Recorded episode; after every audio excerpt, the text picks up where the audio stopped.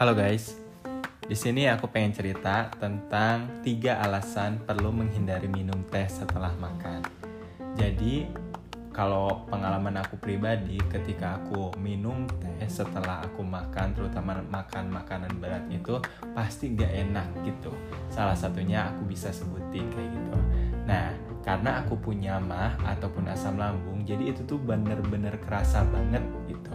Karena alasan dari ketika kita minum teh setelah makan itu salah satu alasannya adalah konsumsi teh setelah makan itu diduga dapat memicu peningkatan asam lambung pada perut. Nah itu salah satu alasannya kenapa ketika aku yang punya mah yang punya asam lambung ini jadi nggak benar-benar enak gitu mual kerasanya ketika aku minum teh setelah makan makanan berat kayak gitu. Kemudian alasan-alasan lainnya selain bisa memicu ataupun meningkatkan asam lambung. Yang lain itu alasannya adalah karena kandungan asam fitat yang ada pada teh itu dapat menghambat penyerapan zat gizi pada tubuh.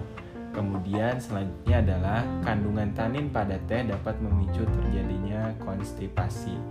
Nah, waktu terbaik untuk minum teh itu kapan? Nah, kalau misalnya waktu terbaik itu menurut Halodoc itu disarankan setelah 30 menit setelah makan makanan berat sampai dengan 2 jam.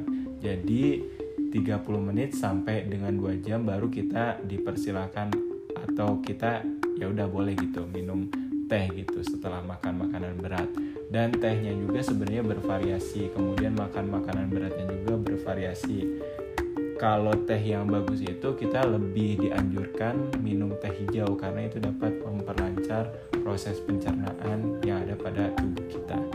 Oke, cukup sekian. Terima kasih. I'll see you.